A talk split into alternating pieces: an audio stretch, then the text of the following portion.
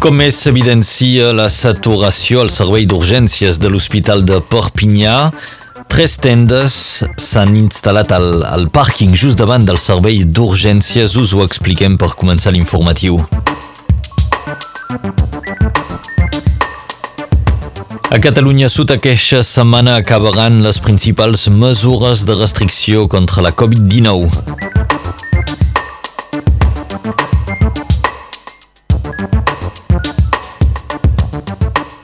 L'associació Bien Vivre al Vallespí que protesta contra el projecte de construcció d'un pont a l'entrada de Serret prepara una assemblea general i ben aviat anunciarà de quina manera pensa mantenir la lluita contra aquest projecte malgrat el vot favorable que va tenir lloc al Vallespí en la consulta ciutadana.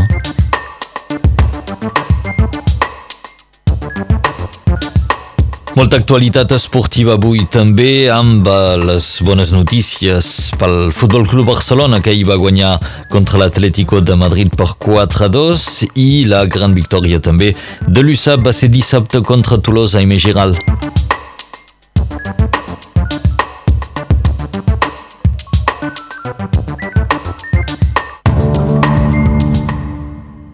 Ahir a l'Hospital de Perpinyà van aparèixer tres tendes davant del servei d'urgències. Es tracta d'un dispositiu excepcional que permet fer la tria de pacients per orientar-los cap a un servei o un altre. Aquesta mesura posa en evidència la saturació del servei d'urgències. Segons els sindicats, actualment manquen uns 40 llits per poder atendre tots els pacients. L'epidèmia de Covid-19 ha accentuat una situació que preocupa els professionals de la salut des de fa uns anys per la manca de mitjans tant materials com humans. El personal sanitari de l'hospital anuncia un moviment de vaga per denunciar aquesta situació. I mentrestant l'atenció hospitalària baixa lleugerament. 256 pacients positius de, a la, a la, la Covid-19 són hospitalitzats avui. 21 d'entre ells estan al servei de reanimació. Cada dia a Catalunya Nord es detecten 1.612 persones positives al coronavirus, però pocs d'aquests contagis acaben en hospitalitzacions. Aquesta setmana marca la fi de la majoria de restriccions contra la Covid-19 a Catalunya Sud. Per exemple, avui a les escoles ja no es faran testos als infants casos contacte.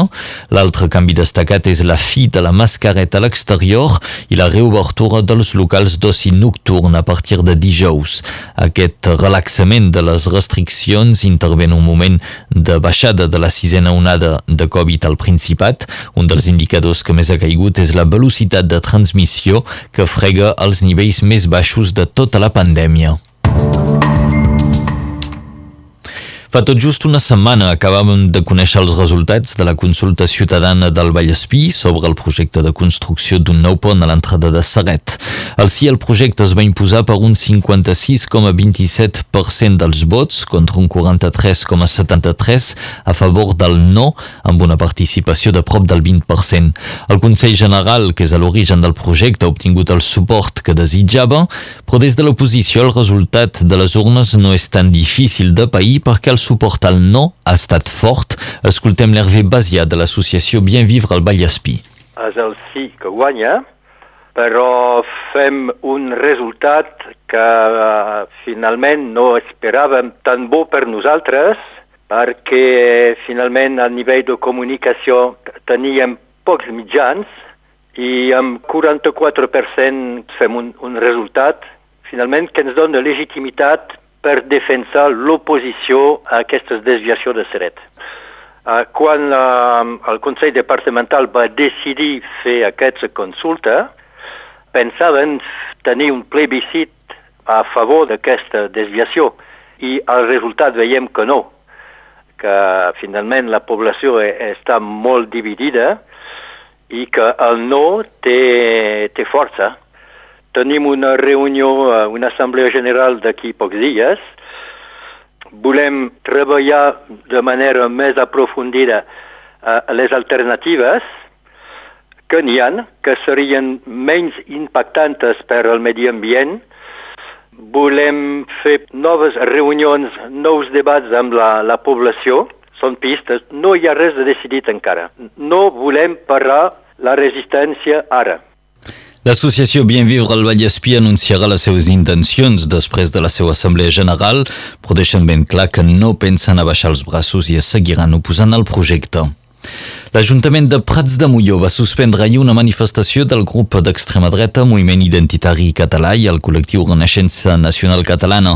Claude Ferrer, el baller del municipi i la gendarmeria van esperar els manifestants, però cap d'ells no es va presentar. Aquests dos moviments ultraminoritaris tornen a convocar la manifestació diumenge vinent. El baller de Prats de Molló assegura que tornarà a suspendre l'acte.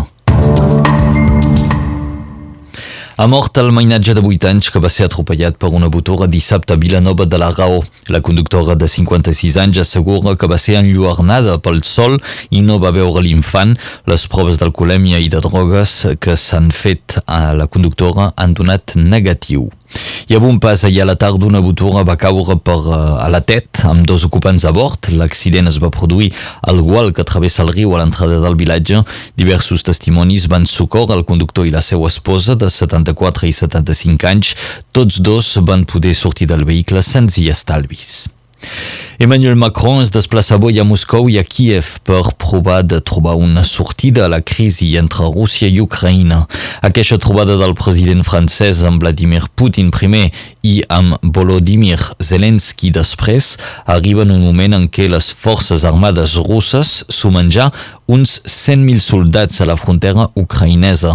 De l'altra banda, els Estats Units han enviat més de 3.000 soldats a l'Europa de l'Est a punt d'intervenir en cas d'invasió russa a Ucraïna. Els esports i bones notícies en futbol i en rugby aquell cap de setmana. Ahir el Barça va guanyar l'Atlético de Madrid al Camp Nou per 4-2. Amb aquesta victòria el Barça supera l'Atlètic de Madrid a la classificació i després de molt de temps se situa en les places que donen accés a la Lliga de Campions.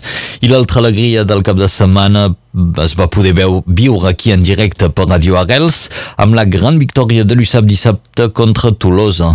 Amb un resultat de 36 a 13, Perpinyà s'emporta els punts de la victòria i suma també el primer bonus ofensiu de la temporada. Amb aquesta victòria l'USAP se situa 11 a la classificació del top 14.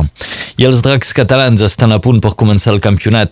Els dracs jugaran el primer partit de la temporada dijous contra els campions, l'equip de Centenens. Aquesta primera jornada serà una repetició de la final de la temporada passada.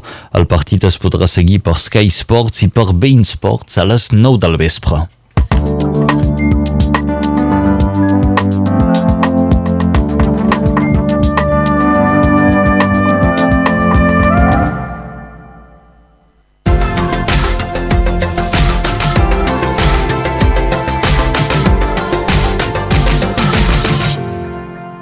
Per avui estem al marge d'un front nubulós, però que no aconsegueix tenir efecte sobre el territori a part al matí cap al Fenolles i a les Corberes. La tramuntana s'imposa sense velocitats extrems als llocs on sol bufar, concretament de l'alt Riberal cap avall, amb més força cap a la Costa Vermella i per moments cap al Conflent.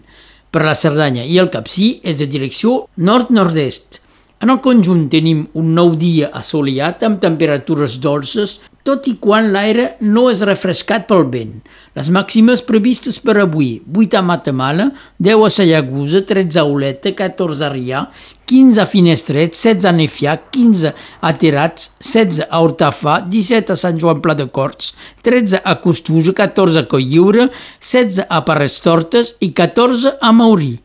A Ciutadella, a Menorca, 15 graus i un bonic sol. El 7 de febrer 1649, Gran Bretanya es converteix per única vegada de la seva història en una república. Aquest període republicà s'allargarà durant 11 anys. Tal dia com avui, de 1954, neixia al Soler un amic d'aquesta ràdio, Norbert Narrac, artista, músic, poeta i locutor de ràdio, és el creador del Bruixot, de la Celestina i un dels autors del Fissó ens va deixar el 2009. Fa 30 anys avui que va ser signat el Tractat de Maastricht. Avui és, segons els calendaris, Sant Ricard, Santa Juliana, Sant Romuald i també Santa Coleta.